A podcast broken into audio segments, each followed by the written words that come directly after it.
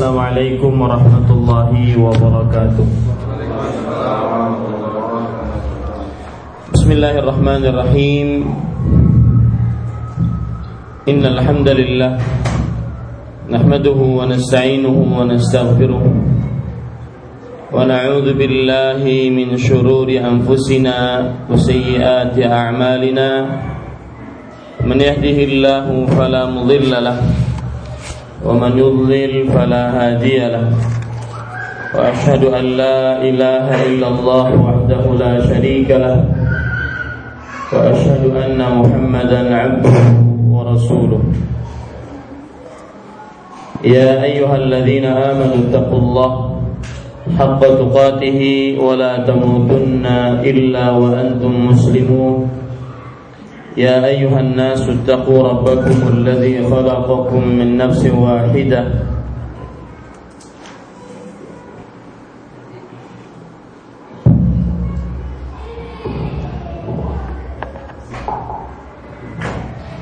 وخلق منها زوجها وبث منهما رجالا كثيرا ونساء.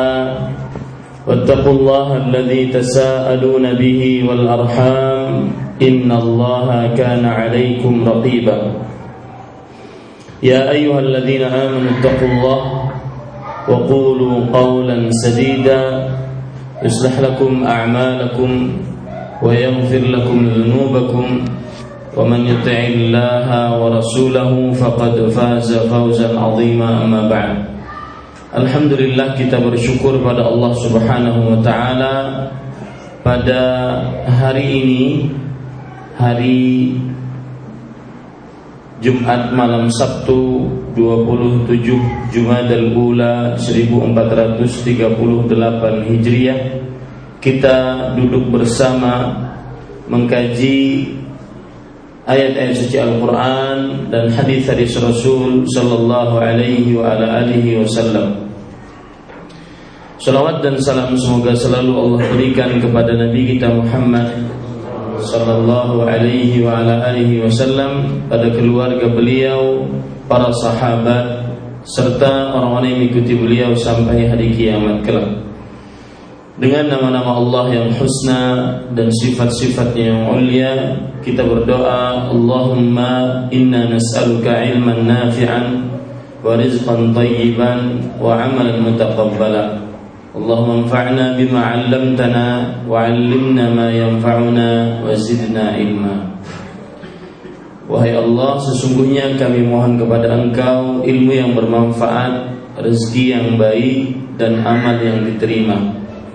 Wahai Allah berikanlah manfaat kepada kami Dari apa saja yang engkau ajarkan kepada kami. Dan ajarkanlah kepada kami ilmu yang bermanfaat Dan tambahkanlah kepada kami ilmu. Amin ya Rabbal Alamin. Bapak, Ibu, Saudara-saudari yang dimuliakan oleh Allah Subhanahu wa taala, kembali kita duduk bersama. Dan pada kesempatan kali ini kita membahas sebuah tema yaitu keindahan Islam. Dan keindahan Islam dilihat dari berbagai macam sisi.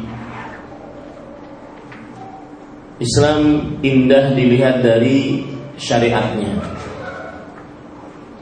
Islam indah dilihat dari ibadahnya. Islam indah dilihat dari akidahnya.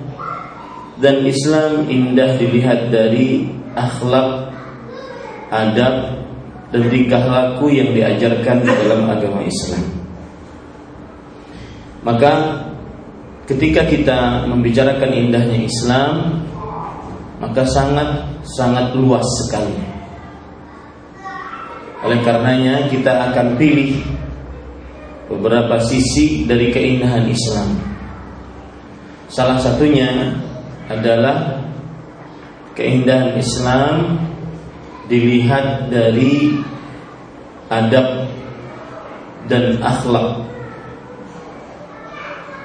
Bagaimana Islam mengatur adab kelakuan-kelakuan yang baik dan akhlak-akhlak atau sifat-sifat yang baik.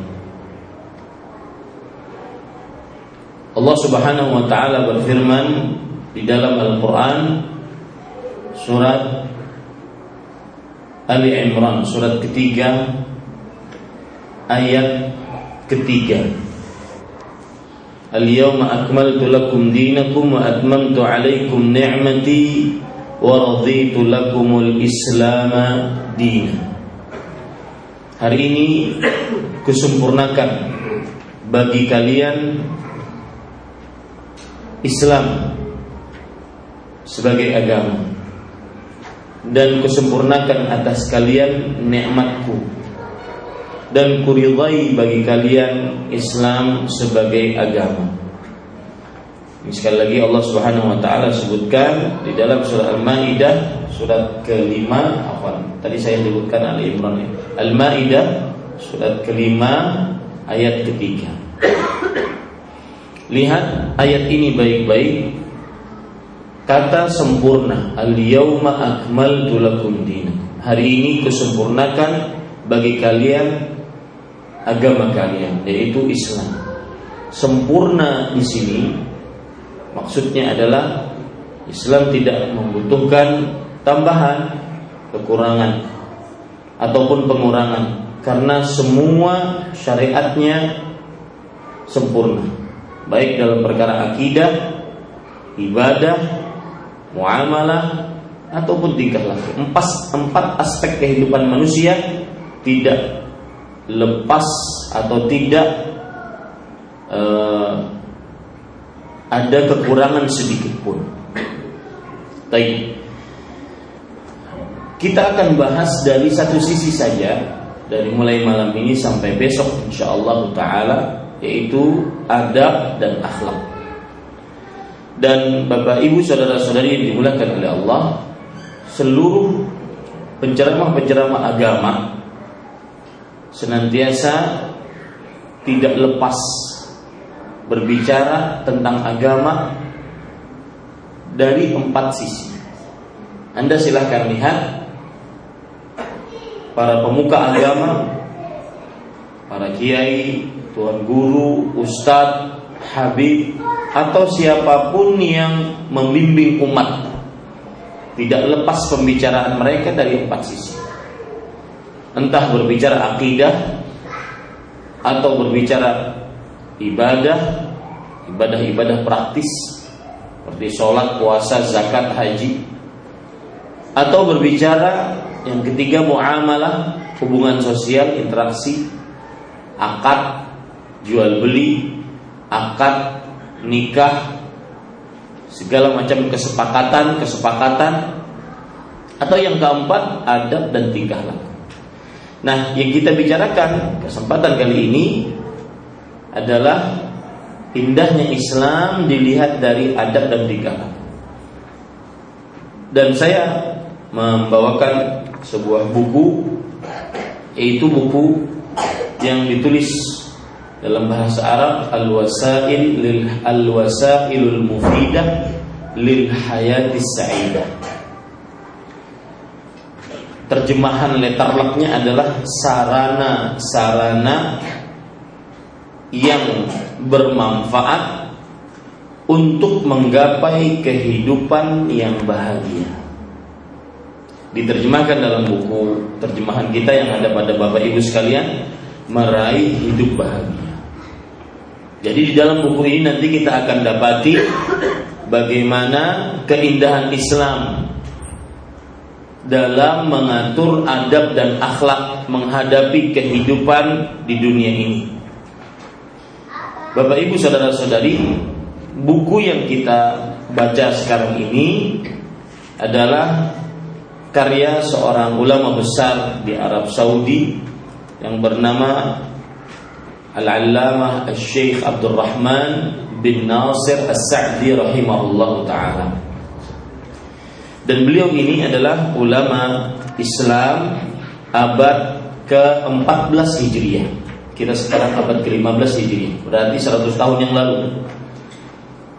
yaitu beliau meninggal pada tahun 1376 Hijriah. Dan buku-buku beliau sangat banyak yang bisa diambil manfaatnya. Di antaranya dan saya ini pesan kepada Bapak Ibu terutama yang ingin mendalami ilmu tafsir silahkan baca tafsir bagi pemula yaitu tafsir yang disebut dengan tafsir As-Sa'di dan sudah diterjemahkan dalam bahasa Indonesia. Tafsir As-Sa'di. Karena nama beliau Abdurrahman bin Nasir As-Sa'di dari keluarga Sa'id atau keluarga Sa'ad. Ini buku atau tafsir bagus bagi pemula dan itu salah satu karya beliau yang fenomenal. Dan beliau ini adalah ulama di Arab Saudi yang terkenal dengan fikihnya, tafsirnya, dan juga usul fikih. Maka insya Allah Taala mulai malam ini kita akan membahas tentang salah satu keindahan Islam, yaitu adab dan akhlak yang dibimbing oleh Islam bagaimana seorang muslim menghadapi kehidupan dia. Terutama ketika seorang muslim ingin bahagia dunia dan akhirat. Bapak Ibu saudara-saudari yang dimuliakan oleh Allah, saya tentunya tidak akan baca per kata, per kalimat karena membutuhkan waktu yang lama. Akan tetapi di dalam buku ini ada 20 sarana atau bisa dikatakan 20 adab dan akhlak yang merupakan keindahan Islam yang dengannya seseorang akan bahagia di dunia dan di akhirat. 20 sarana adab dan akhlak yang diatur dalam agama Islam yang dengannya seseorang akan mendapatkan kebahagiaan di dunia dan di akhirat. Para ikhwah yang dirahmati oleh Allah Subhanahu wa taala, kalau kita perhatikan manusia sebenarnya kehidupan kita sumbernya ada pada hati. Sumbernya ada pada hati. Seorang akan mendapatkan ketenangan hakiki ketika hatinya tenang seorang akan mendapatkan kebahagiaan yang sebenar-benarnya di dunia ketika dia mendapatkan hatinya bahagia. Berarti ukurannya bukanlah pada materi, harta duniawi ataupun eh, pakaian, alat transportasi, perhiasan, bukan. Tetapi yang menjadi ukuran adalah hatinya. Makanya Rasul Shallallahu Alaihi Wasallam beliau sangat memperhatikan hati. Apabila baik hati, maka baik pula seluruh anggota tubuhnya. Apabila lurus hati, maka lurus pula seluruh anggota tubuhnya. Perhatikan hadis Rasul Shallallahu Alaihi Wasallam riwayat Bukhari Beliau bersabda, "Ala inna fil jasadi mudghatan idza salahat salahal jasadu kullu wa idza fasadat fasadal jasadu kullu ala wahiyal qalbu." Ingatlah di dalam tubuh manusia terdapat sepotong daging dan apabila sepotong daging ini baik maka seluruh anggota tubuhnya akan baik. Lihat kata-kata baik. Yang diharapkan oleh Rasulullah pada hati adalah kebaikannya, kesolehan hatinya, bukan hanya sekedar lembut, suka nangis, apalagi kalau di syuting di TV enggak. Ya, tetapi baik hati. Yang menjadi ukuran adalah hati yang baik. Dan jika sepotong daging tersebut rusak, maka seluruh anggota tubuhnya akan rusak. Ingatlah bahwa sepotong daging tersebut adalah al-qalb. Di sini perhatian Islam kepada hati. Makanya Imam Luqayyim rahimahullah mengatakan al-qalbu malikul a'dha. Hati itu adalah raja bagi seluruh anggota tubuh. Wahua wahia junudu dan anggota tubuh yang lain adalah tentara bagi rajanya. Fa in istaqamal maliku istaqamal junudu. Kalau seandainya rajanya tersebut lurus, maka tentara-tentaranya pun akan lurus. Wa in wajah al-maliku i'wajatatil a'dha. Kalau seandainya rajanya bengkok menyimpang, maka anggota tubuhnya, tentara-tentaranya pun akan menyimpang. Makanya Islam sangat memperhatikan perkara hati.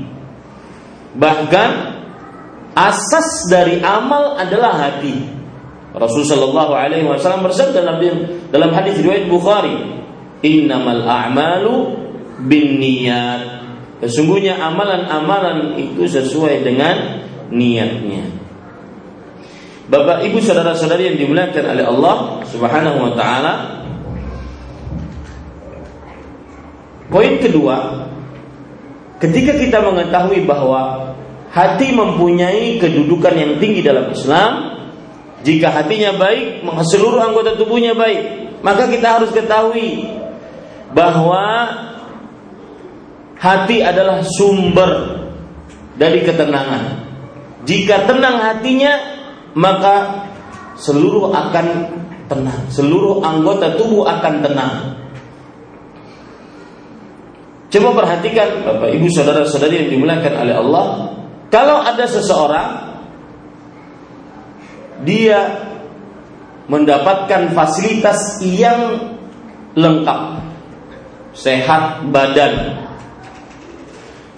harta melimpah ruah, transportasi tersedia, makan, minum lengkap, tetapi hatinya sedang tidak tenang, sedang tidak tenang.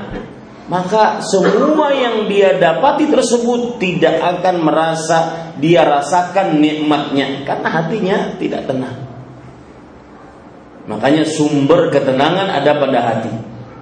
Oleh karenanya, orang mencari ketenangan, keridhaan ataupun kebahagiaan yang selain pada hati tidak akan pernah dapat. Kalaupun dapat tidak sempurna. Contoh, orang mencari kebahagiaan dengan hartanya, tidak dapat. Orang mencari kebahagiaan dengan leha-leha, dengan santai-santai, bahkan cenderung maksiat, tidak dapat. Paling sebentar, seperti yang diceritakan oleh Bapak Dubes kita tadi. Beliau pernah di Belanda sampai jam 4 sampai jam 5 pagi.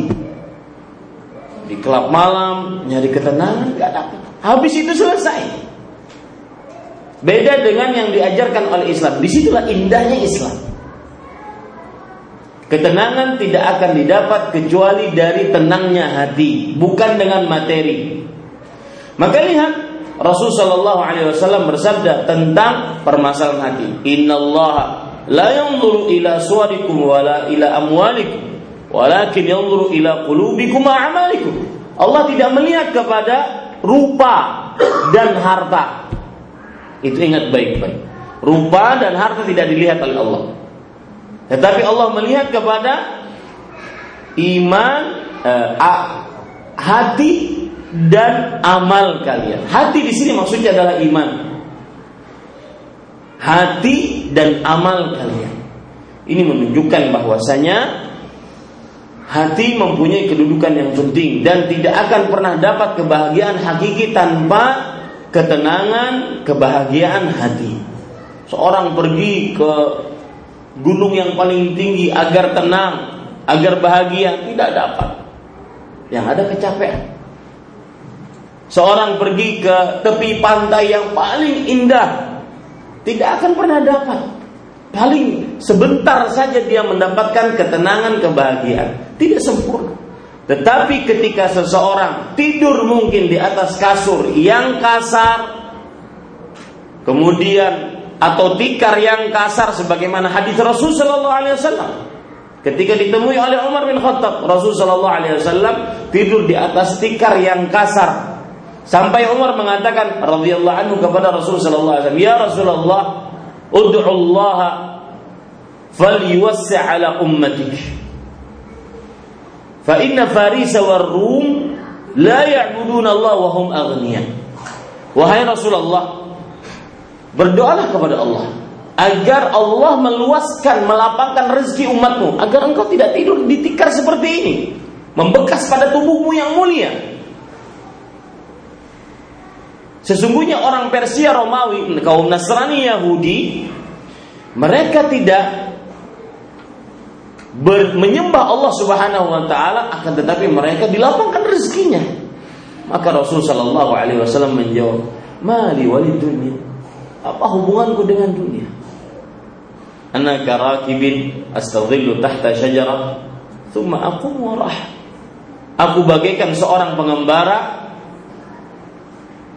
bernaung di bawah sebuah pohon, kemudian setelah itu aku bangun dan pergi kembali menuju tempat asalku. Maka Bapak Ibu saudara-saudari, sekali lagi poin kedua saya katakan, sumber ketenangan ada pada hati yang mencari ketenangan dengan selain hati tidak akan pernah dapat. Mencari ketenangan dengan main musik tidak akan pernah dapat. Mencari ketenangan dengan harta melimpah ruah tidak akan pernah dapat. Mencari ketenangan dengan rumah megah, mobil mewah tidak akan pernah dapat. Kenapa? Karena sumbernya ada pada hati. Maka Bapak Ibu saudara-saudari yang dimuliakan oleh Allah, sebenarnya buku ini yaitu Al-Wasailul Mufidah lil Hayati Sa'idah menyebutkan 20 sarana bagaimana orang bahagia.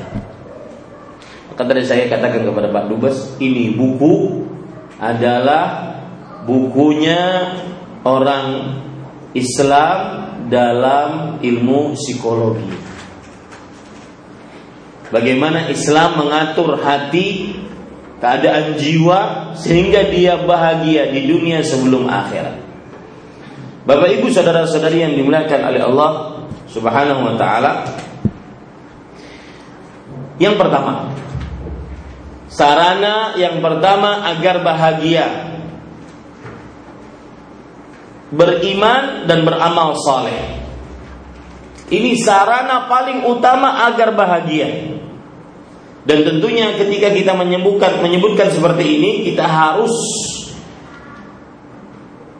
mendasari pernyataan ini dengan dalil dari Al-Quran dan Sunnah Rasul Sallallahu Alaihi Wasallam. Dalilnya bahwa iman dan amal saleh membuat orang bahagia adalah surat An-Nahl ayat ke-97. Allah Subhanahu wa taala berfirman, "Man 'amila salihan min dzakarin aw untha wa huwa mu'min, falanuhyiyannahu hayatan thayyibah wa lanajziyannahum ajrahum bi ahsani ma kanu ya'malun." Barang siapa? Kata man di sini, Pak. Barang siapa? Yang artinya siapa pun tanpa ada batasan, tanpa ada sekat. Mau dia orang Jawa, orang Afrika, Mau dia orang kaya, orang miskin, siapa pun. Mau dia orang yang sudah tua ataupun masih muda.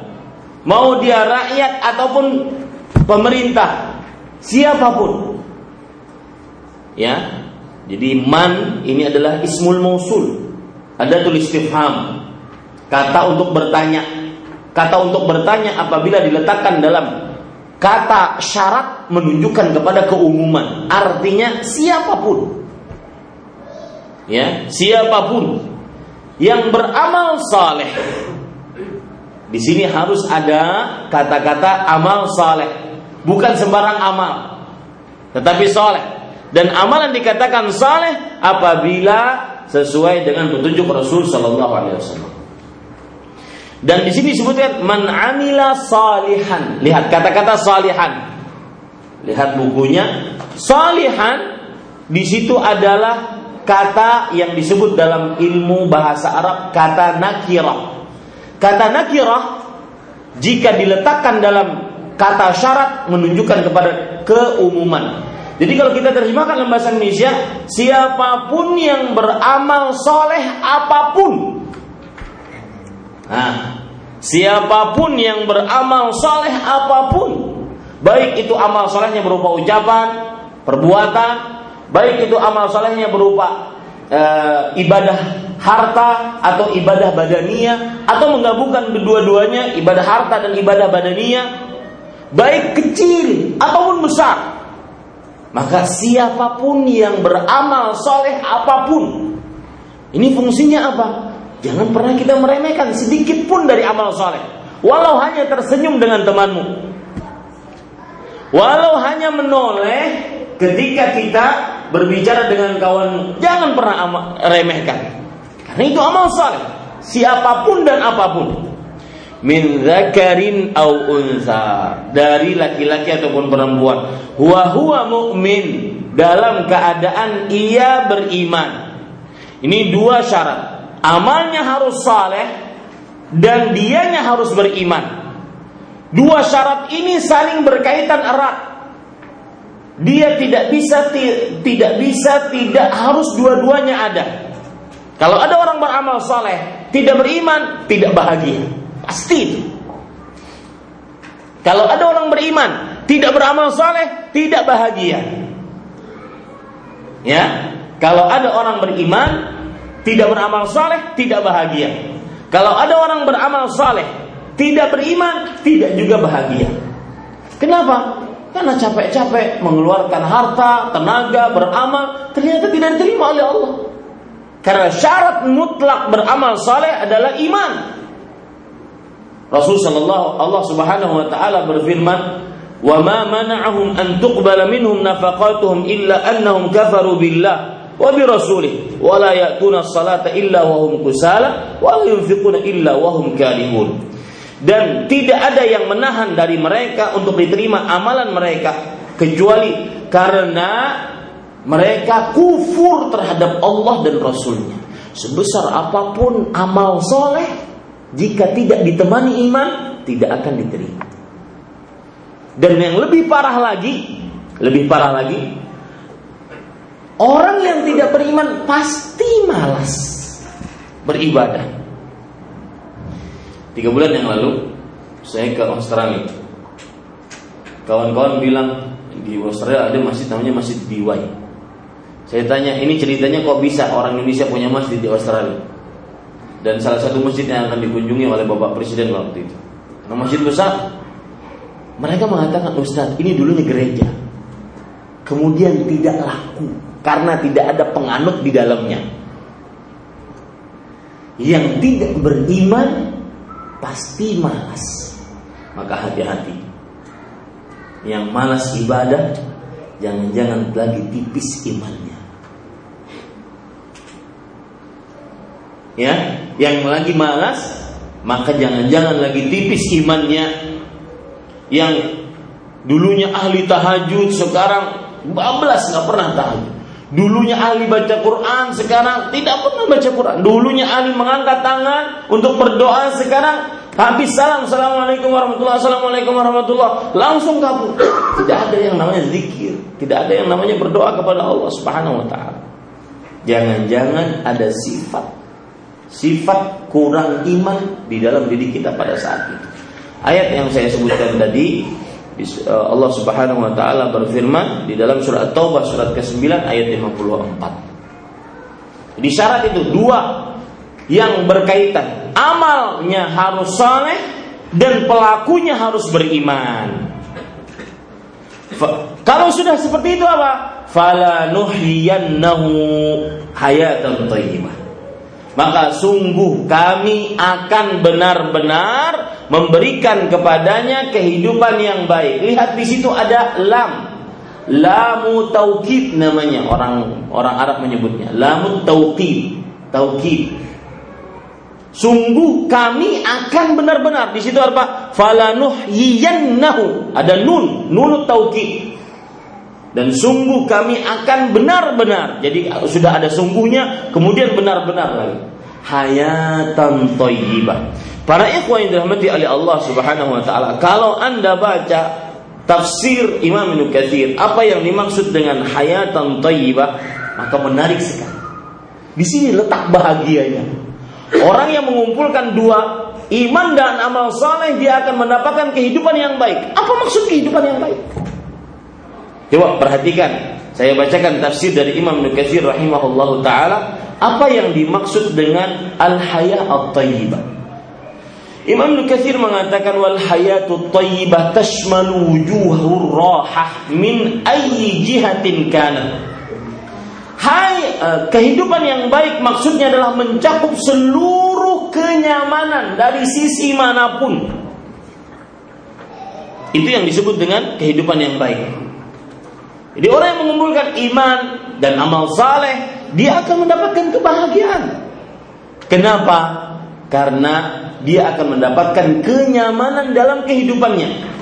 Penafsiran yang kedua yang dimaksud dengan al-hayah at-tayyibah. Perhatikan baik-baik para ikhwan yang dirahmati oleh Allah. Yang dimaksud dengan al-hayah at-tayyibah adalah merasa puas dengan pemberian Allah. Ibu-ibu, saudari-saudari muslimah, Anda sudah ditegaskan oleh Rasulullah ataupun bukan Anda, jenis perempuan sudah ditegaskan oleh Rasulullah adalah penghuni neraka terbanyak. Salah satu sebabnya yaitu apa sebabnya? Hah? Kurang bersyukur terhadap pemberian suami. Yang kedua, suka me melaknat mencaci pemberian suami.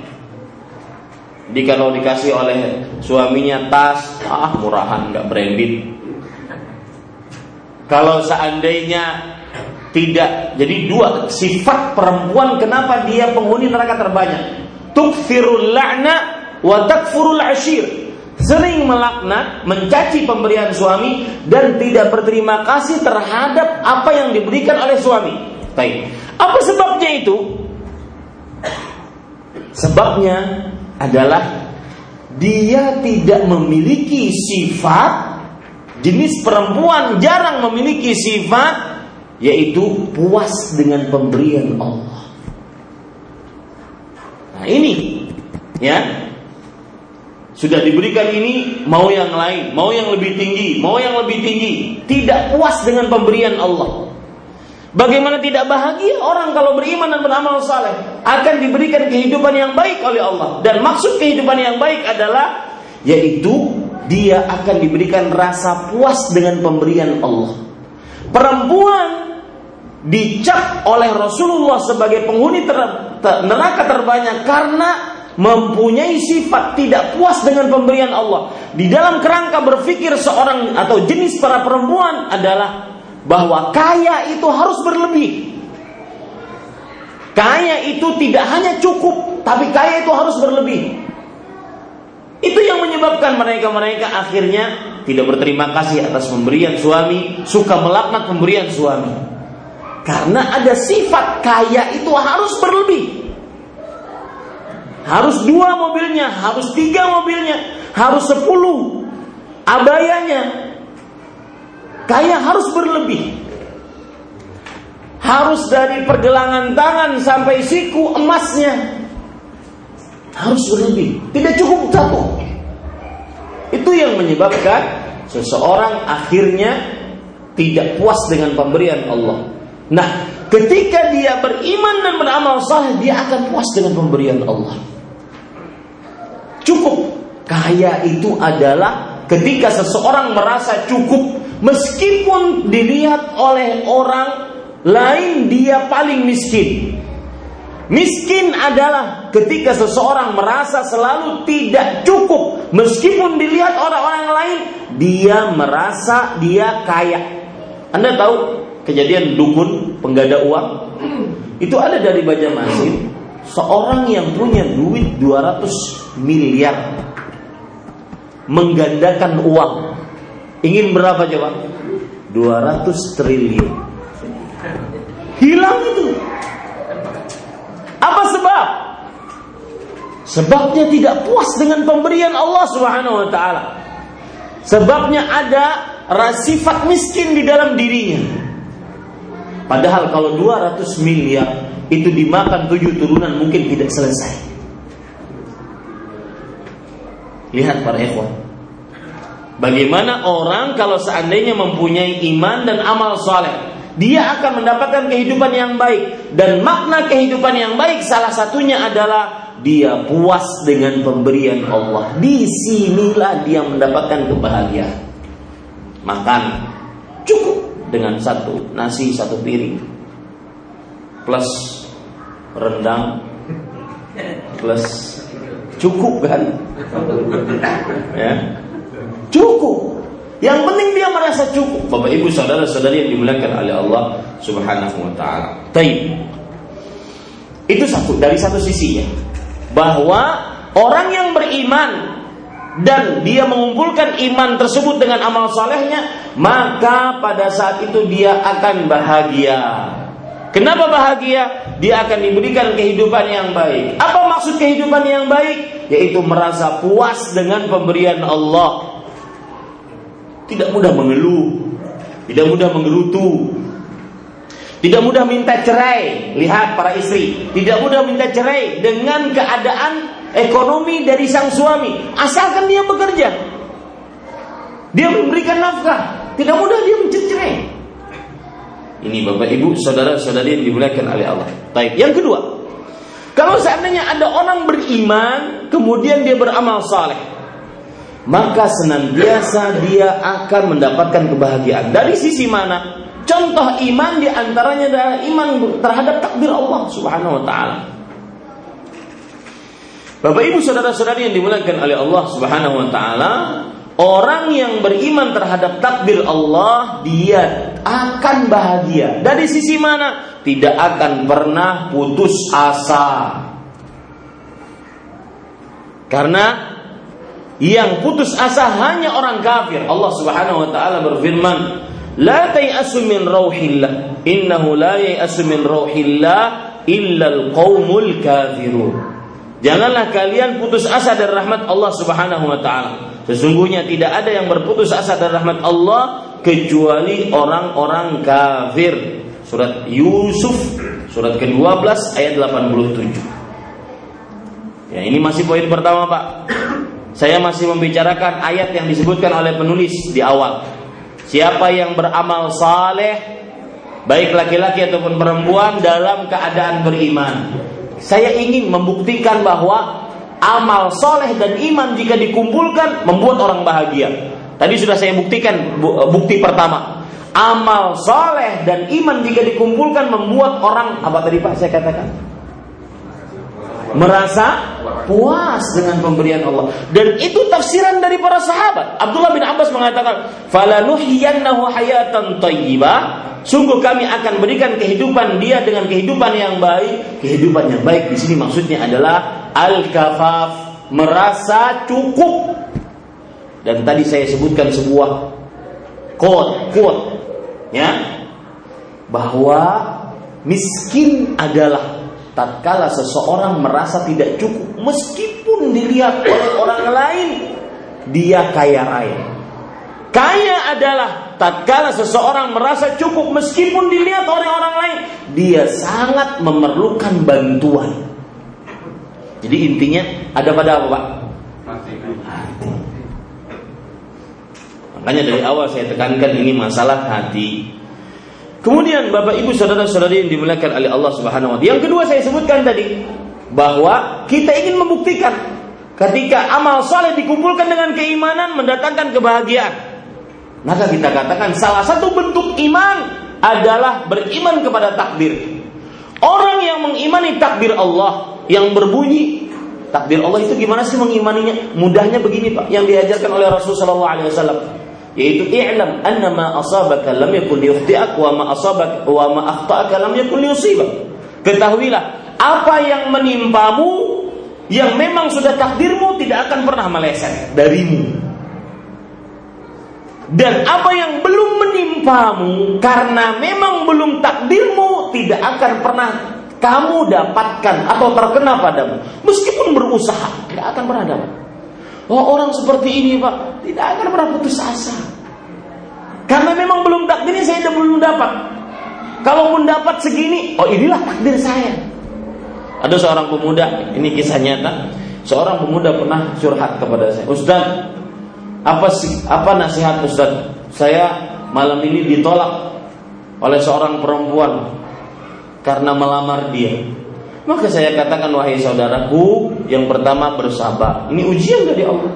Yang kedua berdoa agar dimudahkan jodoh. Yang ketiga, tetap usaha. Orang itu kemudian mengatakan, cuma segitu Ustaz nasihatnya. Iya, apalagi? Mau apa lagi? Kemudian dia mengatakan, Ustaz enak ngasih nasihat segitu aja. Saya Ustaz ditolak sakit banget. Dan ini bukan yang pertama kali ditolak. Ini yang ke-21 kali saya ditolak. Subhanallah. Tapi sekarang dia sudah menikah, eh, sudah menikah diterima. Kalau sudah menikah lenyap dari peredaran. Gak pernah curhat-curhat lagi sama ustaznya. Subhanallah. Bapak ibu saudara saudari, ketika orang memahami iman kepada takdir digabung dengan amal soleh, dia akan hidup bahagia. Dari sisi mana? Bahwa kalau memang takdirnya akan saya dapat. Kalau tidak, tidak akan saya dapat. Kenapa kemudian dia menggerutu, mengeluh, mengadu-ngadu nasib kepada manusia. Ada perkataan Arab menarik kata bijak orang Arab mengatakan idza syakauta ila bani adam inna tashkur rahim ila alladhi la yarham jika engkau adukan nasibmu kepada anak manusia suka sering mengeluh suka sering mengadu-ngadu maka sesungguhnya engkau mengadukan Allah yang maha rahim maha pengasih kepada makhluk yang tidak mengasihi. Ini yang suka-suka mengeluh kepada manusia. Baik, Bapak Ibu saudara-saudari, kita ingin buktikan yang ketiga sekarang. Bagaimana iman dan amal saleh menggabung jika digabungkan maka dia akan mendatangkan kebahagiaan. Contoh dalil yang disebutkan oleh penulis pada halaman ke-11. Lihat silahkan baca hadis riwayat Muslim. Rasul sallallahu alaihi wasallam bersabda, "Ajaban li amril mu'min, inna amrahu kullahu khair." Wa laysa illa li ahadin illa lil mu'min. Sungguh perkara seorang mukmin itu menakjubkan. Kau bisa menakjubkan karena semua perkara yang dialaminya adalah baik. Semua perkara yang dialaminya dan perkara yang dialami oleh seorang muslim tidak lepas dari dua, Pak, atau tiga lah, Pak maksimal. Pertama dapat nikmat, yang kedua dapat apa? Musibah, yang ketiga melakukan dosa. Tidak lepas dari itu. Makanya Syekhul Islam Muhammad bin Abdul Wahab di dalam kitab beliau Al-Qawaidul Arba' empat kaedah dasar beragama beliau mengatakan I'lam rahimakallah ketahuilah semoga Allah merahmatimu As'alullah Rabbal Arsyil Azim.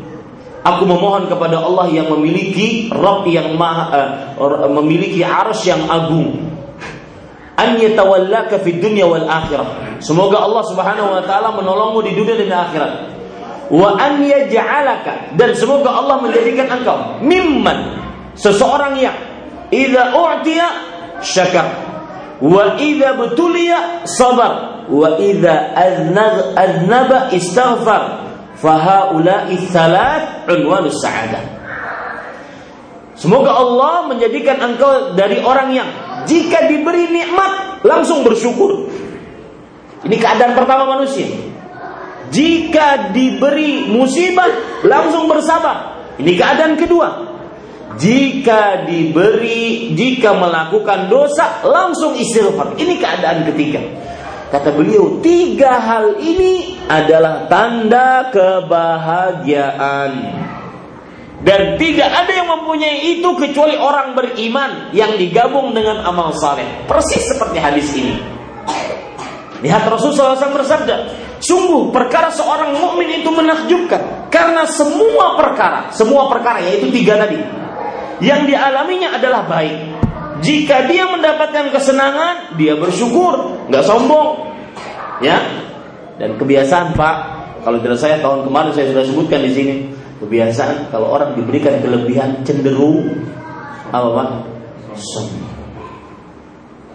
Diberikan kelebihan cenderung sombong. Karun diberikan kelebihan harta sombong. Fir'aun diberikan kelebihan tahta sombong. Haman diberikan kelebihan jabatan sombong. Abu Lahab diberikan ketenaran sombong. Ifrit diberikan kekuatan sombong. Cenderung sombong. Bahkan ini dalam perihal hal-hal person, bentuk fisik. Ya, Orang yang tinggi diberikan kelebihan ketinggian badan, melihat orang yang pendek, ah, kecil, sombong. Maka Bapak Ibu saudara-saudari, jika mendapatkan kesenangan dia bersyukur dan maka hal itu lebih baik baginya. Jika mengalami kesulitan dia bersabar. Maka hal itu lebih baik baginya dan hal itu tidak terdapat kecuali pada diri seorang mukmin. Lihat, orang yang beriman akan mengumpulkan dua hal. Dan mengumpulkan orang yang beriman dan beramal soleh. Karena dia beriman kepada takdir tadi dia bersabar atas apa yang Allah takdirkan. Dan saya berpesan tadi siang juga saya sudah sebutkan tidak ada nggak usah deh pergi ke psikiater psikologis Islam sudah punya konsep tidak ada obat paling mujarab untuk menghadapi sebuah ujian musibah bala kecuali dengan sabar Gak ada. Ya, tidak ada obat yang paling mujarab, paling manjur menghadapi musibah, ujian, bala, penyakit, kekurangan harta, diwafatkan oleh orang-orang yang orang-orang yang kita cintai, usaha gagal, usaha bangkrut dan semisalnya. Tidak ada obat yang paling utama kecuali sabar. Dan sabar akan timbul dari oh, keimanan. Sabar akan timbul dari mana? Keimanan. Makanya Bapak Ibu, itu tiga sudah kita buktikan. Ya. Saya ingin review biar uh, saya puas apakah Bapak dan Ibu paham maksud saya. Karena pengajian ini bukan hanya sekedar setor hafalan, pamer kepintaran enggak, tapi bagaimana ini ilmu jadi ilmu bisa diamalkan. Tadi kita katakan bahwa kajian kita ini sebenarnya adalah sarana untuk mencari tutup aja kali ya anak-anaknya ribut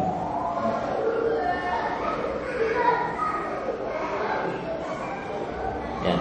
kajian kita ini adalah sebenarnya menyebutkan 20 sarana bagaimana agar kita bahagia. Sarana pertama apa tadi Pak? beriman dan beramal saleh. Dan saya sudah tekankan di awal dua hal ini berkaitan satu dengan yang lainnya. Tidak manfaat iman tanpa amal soleh, tidak manfaat amal soleh tanpa iman. Kemudian kita baru membuktikan, ya, tiga pembuktian. Bagaimana iman jika digabung dengan amal soleh orang akan menjadi bahagia. Yang pertama apa tadi pak? Orang yang beriman dan beramal soleh maka dia akan apa? pemberian. Gak ada tekanan. Tidak ada tekanan. Dan sekali sekali lagi rubah image cara berpikir kita tentang kaya. Kaya tidak mesti harus berlebih. Kaya adalah ketika seorang merasa sudah cukup. Yang kedua, pembuktian kedua, iman dan amal saleh mendatangkan kebahagiaan. Bagaimana? iman dan amal saleh maka akan salah satu jenis keimanan adalah beriman kepada takdir. Orang yang beriman kepada takdir maka dia akan apa? Tidak mudah putus asa. Gak mudah putus asa karena dia meyakini yang memang takdirnya saya akan dapat, yang belum takdirnya tidak akan pernah dapat. Ya, walaupun seluruh makhluk menolong saya. Kalau memang belum takdirnya nggak akan pernah dapat. Ya, saya beri contoh pak. Ini air minum di depan mulut saya. Secara logika sangat mudah saya memasukkan seteguk bahkan segelas air minum ini. Tapi ketika Allah menakdirkan belum terminum, bisa terminum pak? Walaupun semua makhluk menolong saya bisa terminum? Tidak. Maka pada saat itu bersabar. Tidak pernah putus asa dia. Ini yang kedua. Pembuktian yang kedua. Iman dan amal saleh jika digabungkan mendatangkan kebahagiaan. Dari sisi dia beriman kepada takdir yang membuat dia tidak pernah putus asa. Ini dalam hal terutama Pak, kalau seandainya dalam hal ingin menggapai kebaikan atau ingin menghilangkan mudarat dari diri kita. Contoh misalkan, ada orang ditanya, Ustaz, uh, Fulan sudah bisa baca Quran? Belum Ustaz. Kenapa nggak belajar? Wah Ustaz, kayaknya takbirnya memang begini Ustaz. Sepuluh guru ikra saya sudah belajar kepada mereka semua Mereka mengatakan kamu sulit untuk bisa baca Quran Maka orang ini sebenarnya belum beriman kepada takdir karena yang beriman kepada takdir dia tidak pernah putus asa, bahkan tambah semangat untuk beramal. Yang kedua, jadi ah, hidupnya akan bahagia. Yang ketiga, bagaimana iman dan amal saleh mendatangkan bahagia? Bagaimana penjelasannya? Bahwa iman dan amal saleh akan membuat seseorang senantiasa tetap di dalam keadaan yang stabil jika diberi nikmat bersyukur, tidak sombong. Jika dapat musibah bersabar, tidak putus asa. Tetap dalam keadaan stabil, tenang, penuh harkat martabat, wibawa, tidak mudah, tidak mudah sedih sana sini. Ya. Tetap dalam keadaan stabil. Ini sudah kita buktikan berarti yang kedua. Kemudian Bapak Ibu saudara-saudari yang dimuliakan oleh Allah Subhanahu wa taala. Yang eh, apa yang pertama ya. Yang kedua sekarang sarana berbuat eh, sarana bahagia. Berbuat baik terhadap sesama makhluk. Wah, ini bahagia betul, Pak. Ya. Apa dalilnya? Hadis Rasul Shallallahu Alaihi Wasallam yang berbunyi ketika beliau ditanya Ayyun nasi khairun? Wahai Rasulullah Manusia mana yang paling baik? Maka Nabi Muhammad Shallallahu Alaihi Wasallam bersabda Anfa'uhum linnas. Yang paling bermanfaat untuk manusia Itu yang paling baik. Yang paling bermanfaat. Dan menjadi manusia yang sosial Bermanfaat menjadi manusia yang suka menjadi relawan, suka menebar kebaikan, ini mendatangkan kebahagiaan. Karena di dalam dirinya akhirnya terdapat insyirahus sadar, terdapat lapang dada. Ya, terdapat kelapangan dada. Saya ingin bertanya, Pak, kenapa kalau orang nolong orang lain itu lapang dadanya? Yang bisa jawab dapat hadiah. Ada? Nah, ya. Baik. Nah, ada kau. Jadi apa gemuk? Nah, kalau dapat L yang dapat XL maka puaslah. Bahagia dia. Silakan Mas. Kenalkan dirinya dulu biar saya lebih kenal. Ya. Ada mic? Baik. Pertanyaan saya dengan bahasa Indonesia yang baik dan benar. Apa tadi pertanyaannya? Kenapa ya kalau dalam orang itu kita bahagia? Iya, sip. Jadi uh, sebenarnya kebahagiaan kita. Saya bertanya dengan bahasa Indonesia yang baik dan benar. Kenapa? Jawabannya karena. karena betul ya karena karena kebahagiaan kita, ini, kita itu ini apa berasal dari kebahagiaan orang lain. Karena kebahagiaan kita berasal dari orang lain. Iya. Silakan. Jawabannya kurang, tetapi saya katakan siapa yang menjawab dapat hadiah. Tidak mesti benar. Jadi gini, sebenarnya kita itu kalau pengen bahagia bahagiakan orang lain. Dari kebahagiaan orang lain itu kita itu tidak bahagia. Sebenarnya kita membahagiakan orang lain itu bukan untuk diri dia, tapi untuk diri kita dengan membahagiakan orang lain kita akan bahagia. Baik, jazakallahu khairan. Baik, ada yang lain Bapak Ibu? Kenapa membahagiakan orang lain berbuat kebahagiaan terhadap orang lain itu adalah kebahagiaan tersendiri. Contoh, saya beri contoh ya. Nabi Muhammad SAW ditanya, Ya Rasulullah, ayyul amali ahabbu Wahai Rasulullah, amalan apa yang paling dicintai oleh Allah? Beliau menjawab, sururun yudkhiluhu ala qalbi muslim kebahagiaan yang engkau masukkan ke dalam hati seorang muslim. Kemudian beliau mencontohkan apa maksud ke, memasukkan kebahagiaan ke dalam hati seorang muslim? Apakah membuat dia tertawa, membuat dia senang? Bagaimana caranya? Beliau mencontohkan. Pertama, tatruda anhu ju'an. Kamu menghilangkan rasa lapar darinya. Pak, sekaya apa pun orang, kalau kita ajak makan gratis, seneng gak Pak? Pasti seneng. Apalagi yang benar-benar kelaparan. Maka di situlah terdapat kebahagiaannya. Membuat senang orang lain itu membuat kita bahagia. Dari sisi kena dari sisi mana? Karena dia amalan paling dicintai Allah. Itu jawabannya. Kenapa membahagiakan orang lain kita menjadi bahagia? Karena kita mengerjakan amalan yang dicintai Allah. Lihat Rasul Shallallahu Alaihi Wasallam lagi bersabda, lanjutan dari hadis tadi. Watak anhu dainan dan kamu melunasi hutangnya. Ah, Pak, kalau sudah dilunasi hutang itu luar biasa.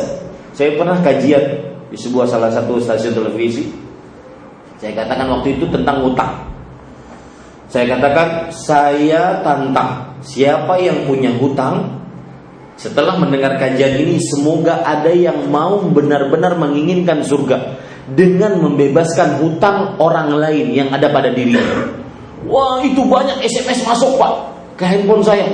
Ustaz terima kasih saya sudah dibebaskan hutang. Ustaz terima kasih saya sudah dibebaskan hutang.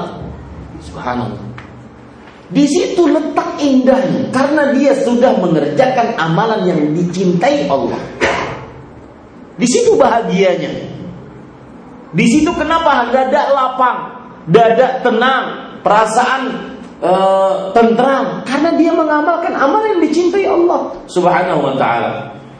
Kemudian lagi lihat Lanjutan hadisnya, wala an amshi ma'a akhin fi hajati ahabbu ilayya min an a'takifa fi masjid hadha syahra. Sungguh aku berjalan bersama saudaraku dalam sebuah keperluannya. Nih, kalau seandainya ada kawan ngajak, "Eh, temenin dong ke mana?" gitu. "Eh, temenin dong ke mana?" "Oh ya boleh, saya ikut." Sungguh aku berjalan bersama saudaraku dalam sebuah keperluannya, ya, sampai selesai lebih aku cintai dibandingkan beriktikaf di masjidku. Masjidku di sini masjid mana berarti? Nabawi. Sekali angkat takbir berapa sholat senilai di masjid lain? Seribu sholat. Beriktikaf di masjidku selama sebulan. Makanya kita ketika menemani kawan, ya tanamkan di dalam diri kita itu. Maka pada saat itu kita bahagia. Ya sudah nggak apa-apa. Pekerjaan nanti dulu kita saya temenin selesai sampai selesai baru nanti saya pulang. Apalagi nemenin istri, sebagian suami udah pergi aja sana tuh pakai mobilnya. Nah, betul apa enggak? Saya pesan sekali lagi kepada para suami, jangan pernah jadi suami kalau suka ngambek. Ya, seperti anak kecil. Ini nggak pantas jadi suami. Suami itu dewasa, berwibawa. Suami itu penyabar, dewa, uh, tidak mudah ambekan. Itu yang dicontoh, yang disebutkan dalam hadis dari Rasul SAW dan ayat-ayat Al-Quran. Baik, jadi itu rahasianya Bapak Ibu saudara-saudari. Kenapa orang bahagia ketika nolong orang lain? Karena dia mengamalkan amalan yang dicintai oleh Allah. Sebab kedua, kita buktikan kedua lagi. Kenapa bahagia dengan menolong orang lain? Walaupun hanya dengan secuil pertolongan. Ya. Ya. Kenapa bahagia? Karena Rasul Shallallahu Alaihi Wasallam bersabda bahwa orang yang menolong orang lain Allah akan menolongnya. Subhanallah. dalam hadis man kana fi hajati akhi kana Allah fi hajati siapa yang dia mengurus hajat keperluan saudaranya memenuhi keperluan saudaranya Allah akan memenuhi keperluannya bahagialah di situ dia yang menolong orang akan bahagia. Dari sisi Allah akan mencukupi keperluannya, mencukupi hajatnya, sebagaimana dia mencukupi hajat orang lain. Ini Bapak Ibu, saudara-saudari yang dimuliakan oleh Allah. Yang ketiga sekarang, Bagaimana bisa mendapatkan kebahagiaan? Sarana yang ketiga, penulis di sini menyebutkan sibuk dengan pekerjaan atau ilmu yang bermanfaat. Orang akan bahagia ketika menyibukkan diri dengan pekerjaan yang bermanfaat atau ilmu yang bermanfaat. Dia akan bahagia. Tetapi ketika dia menyibukkan dengan pekerjaan yang tidak bermanfaat, dia tidak akan bahagia. Saya beri contoh, orang yang hasad dan ingat Bu, Pak, hasad ini adalah sifat paling terburuk Makanya di dalam surat Al-Falaq Allah menyebutkan sifat hasad dimintai perlindungan di sifat yang terakhir. Qul a'udzu birabbil falaq min syarri ma khalaq wa min syarri ghasiqin idza waqab wa min syarri nafathati fil 'uqad wa min syarri hasidin idza hasad. Di yang terakhir, Az-Zamakhsyari di dalam kitab At-Tafsirul Kabir. Kenapa hasad diakhirkan dimintai perlindungan kepada Allah? li'annahu min akhassit tabai. Karena hasad adalah sifat paling terburuk. Gara-gara hasad terjadi maksiat pertama di langit. Nah hasadnya siapa kepada siapa? Hasadnya iblis kepada Adam gara-gara hasad Ya, hasad itu artinya menginginkan. Ya, betul pertanyaannya. Hasad itu apa toh? Dengarkan deh baik-baik. Hasad adalah menginginkan sesuatu dari orang lain, menginginkan nikmat orang lain hilang dari dirinya. Itu hasad. Menginginkan nikmat orang lain hilang dari dirinya. Itu pengertian hasad bisa dicatat, Pak. Tamanni zawalin ni'mati anil ghair menginginkan nikmat orang lain hilang dari dirinya. Itu hasad. Makanya iblis hasad kepada Adam. Adam yang diciptakan oleh Allah dengan dua tangannya dihasati oleh iblis. Oh ini tuh makhluknya yang katanya mulia, yang katanya khalifah. Ah enggak, hasad dia. Gara-gara hasad terjadi pembunuhan pertama di bumi. Siapa yang hasad kepada siapa? Hah? Yang menjawab saya kasih hadiah. Angkat tangan. Siapa? Qabil terhadap Habil, bukan Habil terhadap Qabil. Bukan, bukan, bukan. Kayaknya masih bingung. Qabil terhadap yakin? Ya, benar. Ya. Qabilnya hasad terhadap Habil. Kenapa? Karena di zaman waktu belum banyak manusia, Hawa alaihissalam melahirkan dua, setiap melahirkan kembar pengantin. Kasih hadiah. Kembar pengantin. Jangan lupa kasihan. Antum sengaja. Sengaja dia. Katanya biar bahagia, biar puas dulu. Siapa tahu?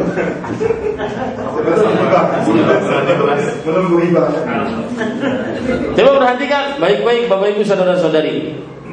Hawa alaihissalam istri Nabi Adam kalau melahirkan dulu dua kembar pengantin laki perempuan laki perempuan. Nah agar bisa nikah nggak mungkin dia nikah dengan saudaranya saudarinya maka dinikahkan dengan silang.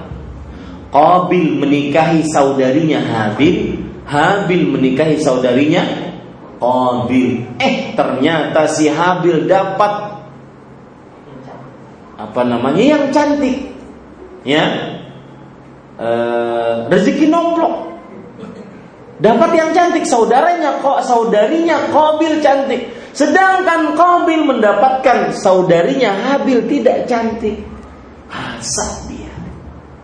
Dan supaya tidak lupa antara Qabil dengan Habil, saya beri kata kunci passwordnya adalah dalam bahasa Arab pembunuh itu pakai qatil. Qatilun, pembunuh. Ya, pakai qaf depannya. Ini hanya dari saya ya. Qatilun. Maka yang membunuh adalah siapa? Qabil. Namanya tepatnya Qabil. Ya. Sedangkan yang dibunuh adalah Habil. Gara-gara hasad. Ya, subhanallah. Ini Bapak Ibu saudara-saudari yang dimuliakan oleh Allah. Kembali kita ke permasalahan tadi. Nah, atau contoh yang ketiga saya ingin contohkan. Gara-gara hasad Nabi Yusuf alaihissalam terpisah dengan bapaknya selama 40 tahun. Gara-gara hasad.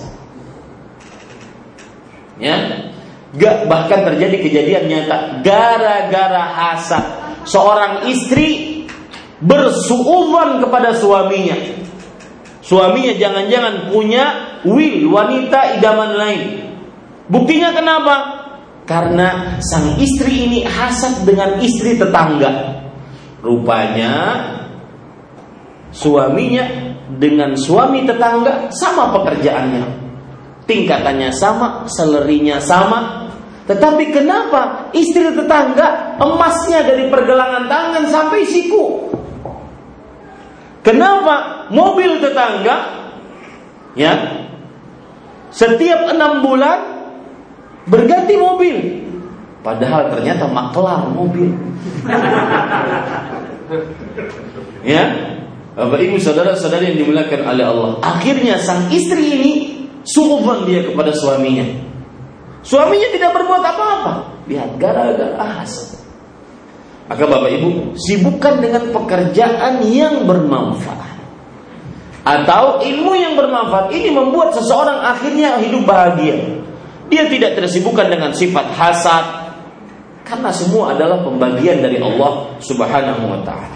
Apa dalil dan bagaimana kita bisa membuktikan bahwa menyibukkan diri dengan pekerjaan yang bermanfaat atau ilmu yang bermanfaat membuat kita bahagia? Rasul sallallahu alaihi wasallam bersabda, "Ihris ala ma yanfa'uka wasta'in billah." Bersungguh-sungguhlah untuk sesuatu yang bermanfaat untukmu. Nah, maka Pak, bersungguh-sungguhlah untuk sesuatu yang bermanfaat untuk kita. Dan minta tolonglah kepada Allah. Maka ini hidup kita akan bahagia. Yang ketiga ini kita akan e, buktikan dulu, benar nggak menyibukkan diri dengan pekerjaan yang bermanfaat atau ilmu yang bermanfaat seseorang akan menjadi bahagia. Kita buktikan. Bapak Ibu saudara-saudari yang dimuliakan oleh Allah Subhanahu wa taala, seorang ketika menyibukkan diri dengan pekerjaan yang bermanfaat. Contoh, seorang ibu rumah tangga menyibukkan diri dengan pekerjaan rumah tangga benar-benar spesialis rumah tangga, ibu rumah tangga. Tidak ada pekerjaan lain yang dia kerjakan kecuali menjadi ibu rumah tangga, spesialis pokoknya. Maka orang seperti ini akan bahagia. Dia tahu berapa ukuran sepatu anaknya. Dia tahu kapan anaknya tanggal giginya. Subhanallah. Dan saya berpesan kepada ibu-ibu saudari-saudari muslimah, jangan mau pekerjaan Anda yang penuh dengan keindahan ini diambil oleh para pembantu. Tatkala anak Anda ditanya oleh seorang, "Wahai fulan, Mas, Dek, siapa guru mengajimu?" Maka dengan bangganya dia mengatakan, "Guru mengaji pertama saya adalah ibu saya." Ini indah, hidup menjadi indah. Karena dia benar-benar terobsesi untuk menjadikan anaknya anak yang saleh. Makanya menyibukkan diri dengan pekerjaan yang bermanfaat ini mendatangkan kebahagiaan. Ya, kenapa bahagia? Karena dia bisa berharap anaknya tersebutlah yang nantinya mendoakan dia tatkala dia sudah menjadi satu tulang ekor di dalam kuburan. Rasul sallallahu alaihi wasallam bersabda dalam hadis riwayat Muslim, "Ma syai'un minal insan illa bali." Tidak ada sesuatu apa pun dari tubuh manusia kecuali akan hancur kalau sudah dimasukkan ke dalam kubur. Dari itu terbukti Pak. Kecuali orang-orang yang diridhoi oleh Allah Subhanahu wa taala dan yang dikehendaki untuk untuk tetap. Illa adbud dzanab, kecuali satu tulang ekor yang ada pada tubuh manusia itu tidak akan hancur.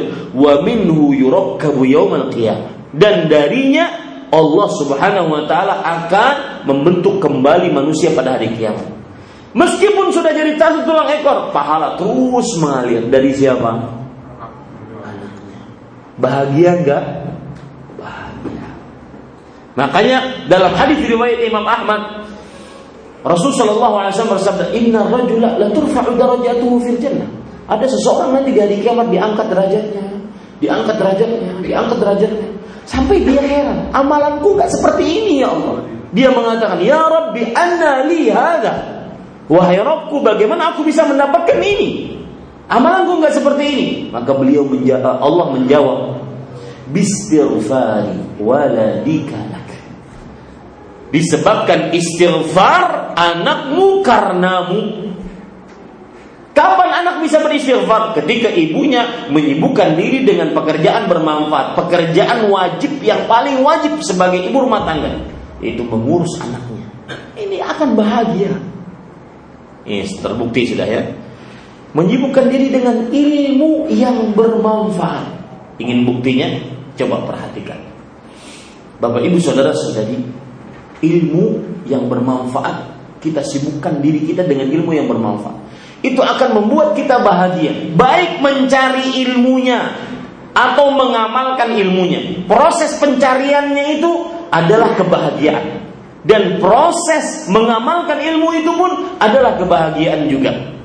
Saya beri contoh misalkan. Belajar bahasa Arab. Maka dia berproses mempelajari bahasa Arab tersebut yang merupakan kunci kunci agama Islam, maka saya berpesan yang tidak bisa bahasa Arab jangan berdakwah deh, jangan berdakwah. Karena al-lughatul arabiyyah miftahul Islam. Bahasa Arab itu kunci Islam. Ya, maka Bapak Ibu saudara-saudari yang dimuliakan oleh Allah, ketika dia menyibukkan dengan menuntut ilmu bahasa Arab, kemudian dia mengamalkannya di situ terdapat kelezatan, keindahan, kebahagiaan. Kenapa? Karena dengan memahami bahasa Arab dia akan tahu apa yang dia baca tatkala dia sholat dari mulai takbiratul ihram sampai salam. Di sini letak kebahagiaannya. Menyibukkan diri dengan ilmu yang bermanfaat akan bahagia. Karena dia akan mudah memahami agama Islam. Contoh yang lain Bapak Ibu Saudara Saudari dengan ilmu dengan menyibukkan diri dengan ilmu yang bermanfaat dia akan bahagia dari sisi dia akan menjadi ahlus sunnah. Imam Ahmad mengatakan, "Idza alimta sunnatan fa'mal bihi walau marratan takun min ahliha." Jika engkau mengetahui sebuah ajaran Rasulullah, sebuah ajaran Rasulullah, maka kerjakanlah. Maka niscaya kamu akan menjadi ahlu sunnah. Kerjakanlah. Contoh Pak, kita di Arab. Rasulullah SAW bersabda di dalam hadis yang diriwayatkan oleh Imam Muslim Al-baitul ladzi la tamra fihi ji'un ahluhu. Rumah yang tidak ada kurma di dalamnya, rumah orang miskin itu. Di Arab nggak ada kurma. Amalkan itu, Pak. Maka di situ terdapat kebahagiaan. Yang kedua, Rasul Shallallahu Alaihi Wasallam bersabda masih tentang kurma, karena kita di Arab, man tasabbaha bisab'i tamaratin ajwatan min ajwa'il Madinah lam tusibhu summun wala sihrun Barang siapa yang makan sarapan pagi tujuh kurma Ada yang pernah nyoba pak? Tujuh kurma. Entah itu ajwa atau bukan ajwa. Maka tidak akan pernah terkena Satu eh, apa, racun apa pun atau sihir apa pun. Amalkan Pak Anda di Arab. Ya. Di sini letak kebahagiaan berusaha mengumpulkan. Bahkan Imam Nawawi yang bermadhab Syafi'i mengatakan fihi hasun ala iddikhari. Di dalam hadis yang saya sebutkan tadi, rumah yang tidak ada kurma di dalamnya, maka dia adalah rumah orang miskin. Di dalamnya terdapat anjuran perintah untuk mengumpulkan kurma di dalam rumah. Ini Bapak Ibu, tak kalah seperti itu, indah hidup kita. Sibuk hidup kita dengan mengamalkan ilmu. Sibuk hidup kita dengan mengamalkan ilmu yang bermanfaat. Contoh yang masalah lisan. Lihat, kita buktikan lagi. Orang yang menyibukkan dirinya dengan zikir, perkataan yang baik, tidak berkata-kata kecuali yang baik, dia akan mendapatkan kebahagiaan. Beda dengan yang menyibukkan dirinya dengan riba, namimah. Eh, eh, Ustaz Ahmad Zainuri datang kayaknya dia nikah lagi tuh. Suka banget ngomongin desas desus suka banget. Ya, suka banget.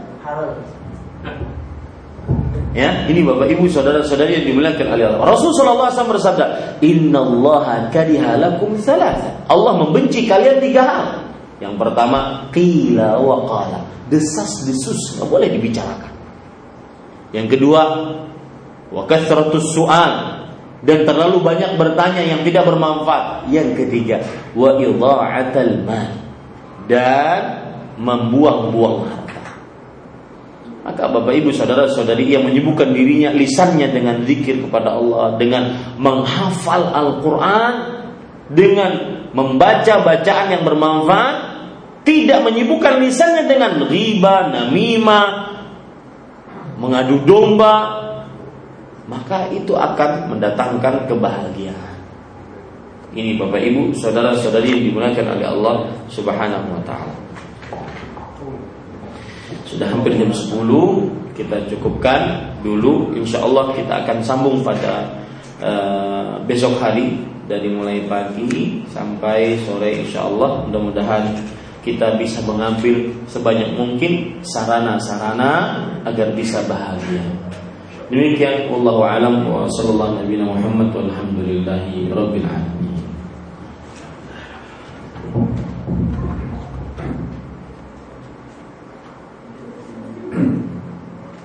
Allah khairan atas penjelasannya Ustaz.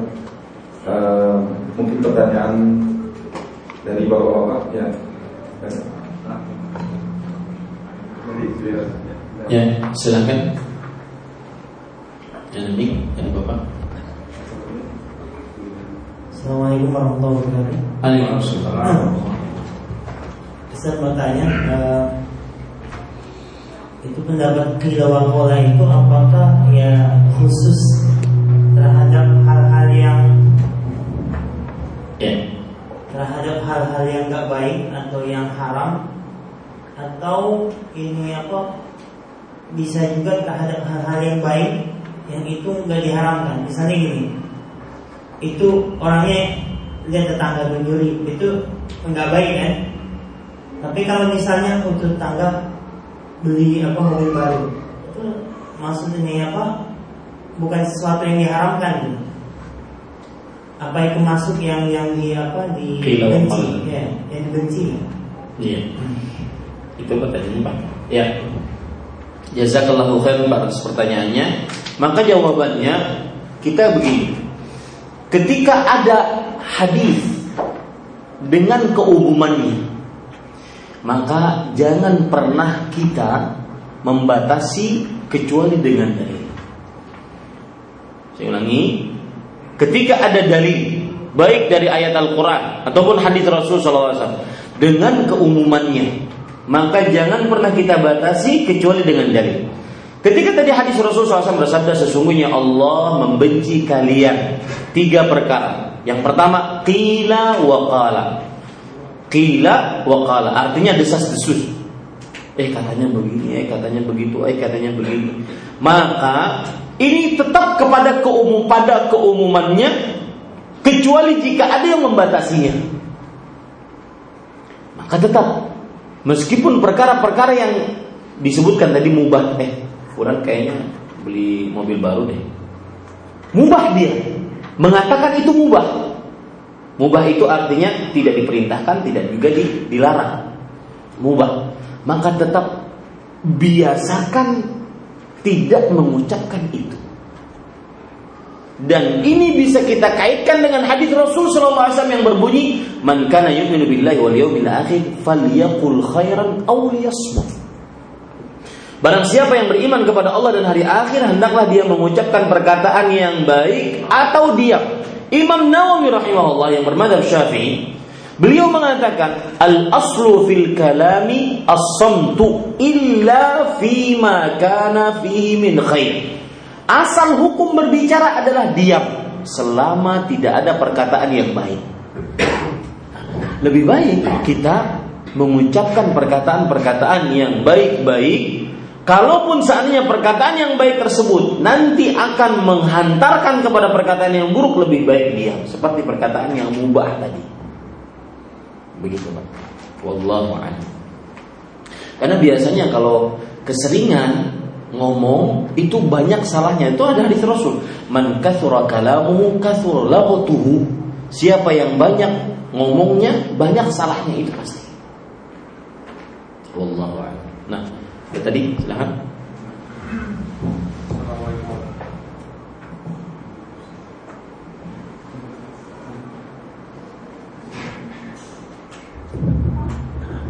Assalamualaikum warahmatullahi wabarakatuh. Waalaikumsalam. Uh, Ustaz, ada dua pertanyaan Ustaz. Yang pertama, uh, uh, tolong Anda dijelaskan mengenai uh, arti kata zuhud. Ustaz.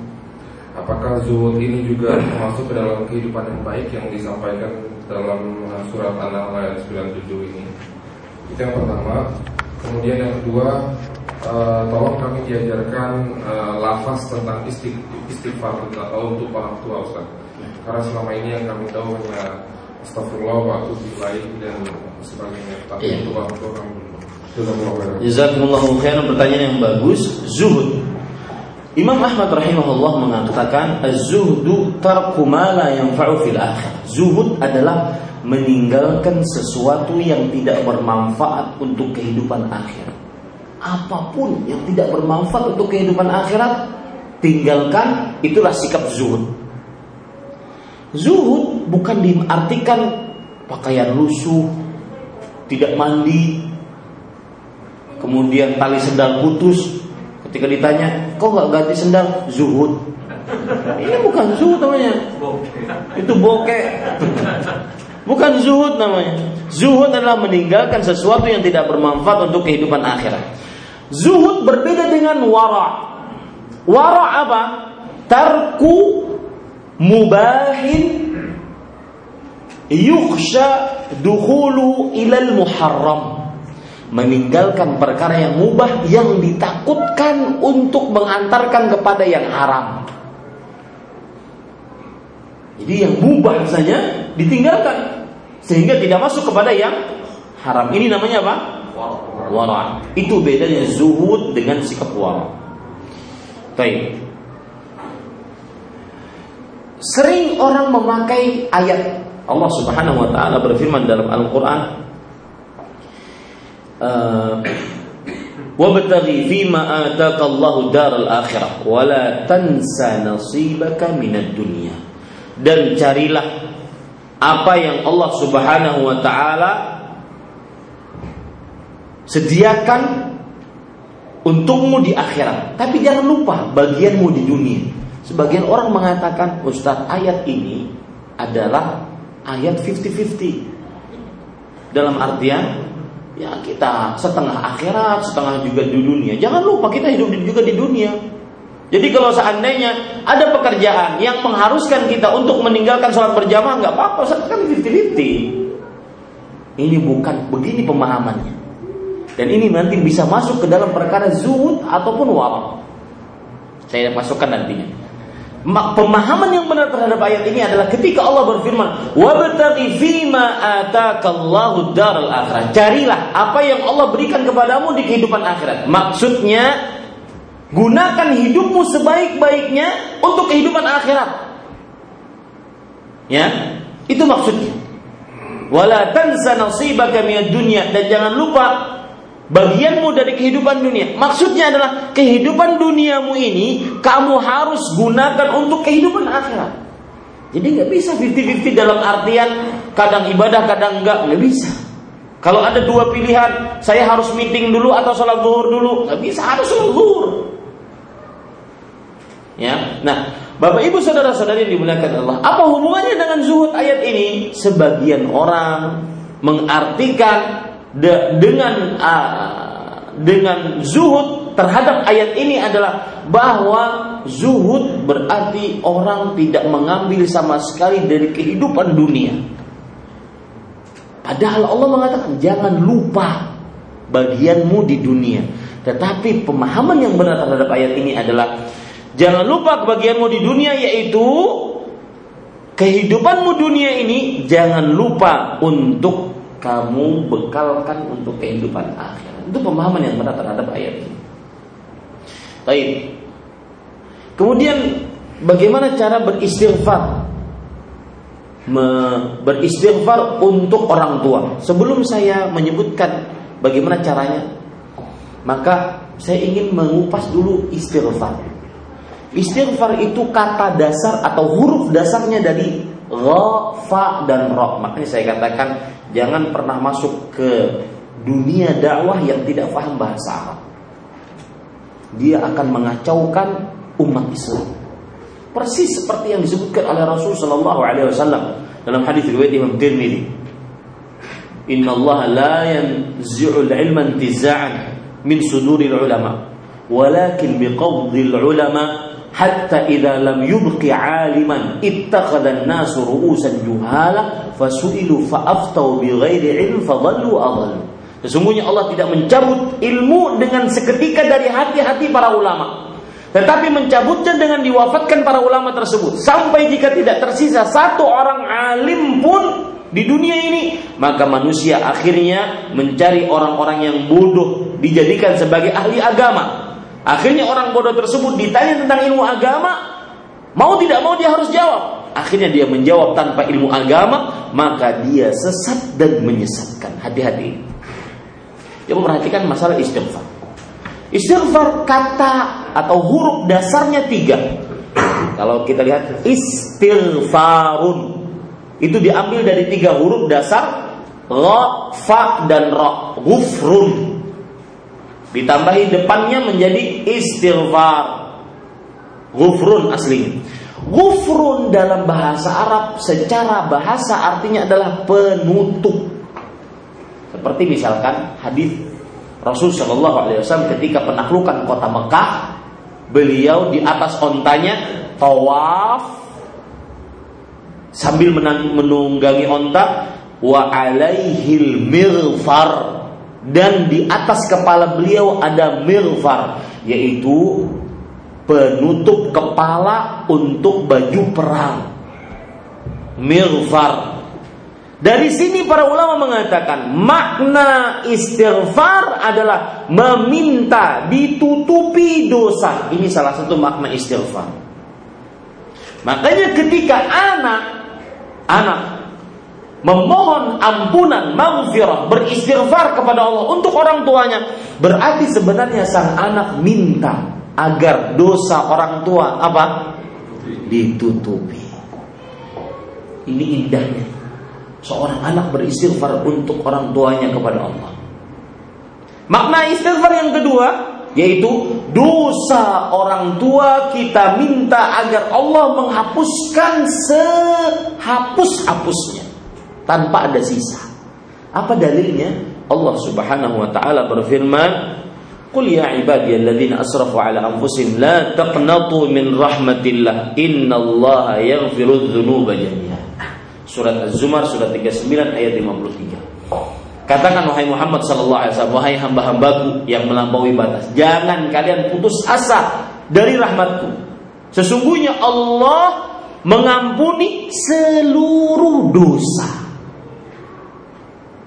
ya mengampuni dosa-dosa seluruhnya tanpa sisa. Makanya ketika seorang anak beristighfar kepada Allah untuk orang tuanya berarti dia sebenarnya sedang minta kepada Allah agar dosa orang tuanya apa? dihapuskan sebenar-benarnya tanpa sisa. Ini makna yang kedua. Makna yang ketiga dari istighfar adalah yaitu Orang yang beristighfar kepada Allah berarti dia minta agar dosanya diganti dengan kebaikan. Diganti dengan kebaikan. Allah Subhanahu wa taala berfirman di dalam Al-Qur'an dalam surah Al-Furqan Faula illa man taba wa amana wa amila amalan salihan faulaika yubaddilu Allahu sayyi'atihim hasanat wa kana Allahu. Kecuali orang yang bertobat, yaitu beristighfar, beriman dan beramal saleh. Maka mereka lah orang-orang yang digantikan dosanya dengan pahala. Nah, makanya Pak, ketika kita beristighfar untuk orang tua kita kepada Allah, ingat tiga makna ini. Apa yang pertama tadi Pak? Yang kedua Pak? Hapuskan dosa seluruhnya. Yang ketiga Pak? Dosanya diganti dengan pahala. Adapun lafat-lafatnya disebutkan dalam surat Ibrahim. Allah Subhanahu wa taala berfirman di dalam Al-Qur'an, "Wa id qala Ibrahim rabbi ja'al uh, Rabbana ighfirli wa liwalidayya wa lil mu'minina yawma yaqumul hisab."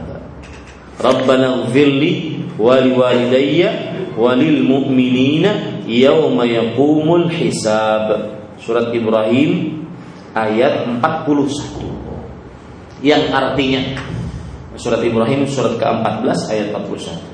Yang artinya wahai Rob kami ampunilah aku dan berilah maghfirah kepada kedua orang tua. Ingat, ketika baca doa maghfirah, ingat tiga hal tadi. Ditutupi, dihapuskan, digantikan. Indah Pak. Makanya kita khusyuk kalau kita berdoa minta ampunan untuk orang tua.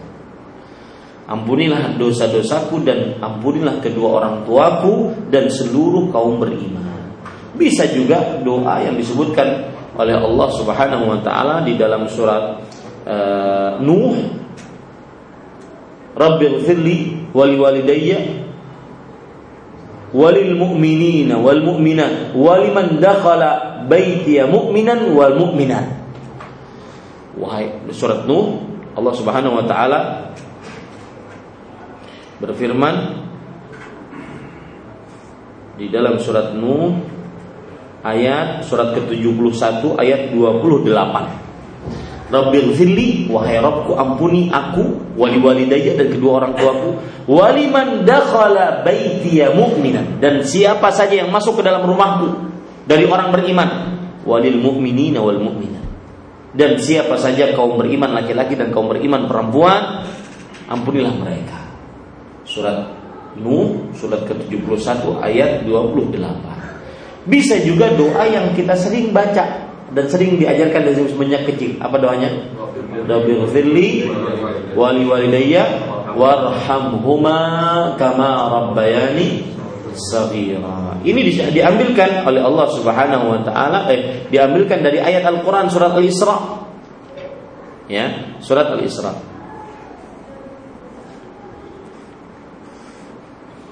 Yaitu di dalam surat Isra surat ke-17 ayat 24. Itu doa-doa istighfar untuk uh, untuk orang tua dari sang anak. Wallahu a'lam. Jam 10 lewat cukup kiranya. Hah? adik ibu silahkan bu. Nah.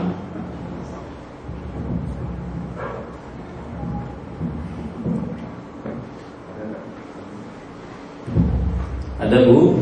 Kalau tidak ada kita cukupkan. Takut kemalaman saya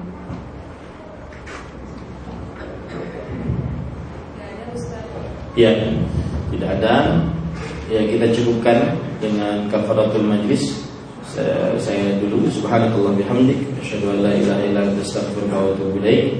Saya kembalikan acara kepada pembawa acara. Wassalamualaikum warahmatullahi wabarakatuh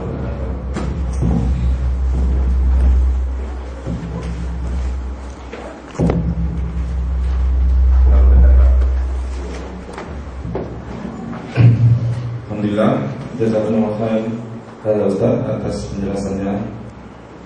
Uh, besok pagi kita akan mulai lagi untuk melanjutkan sesi berikutnya, sesi kedua. Insya Allah kita akan mulai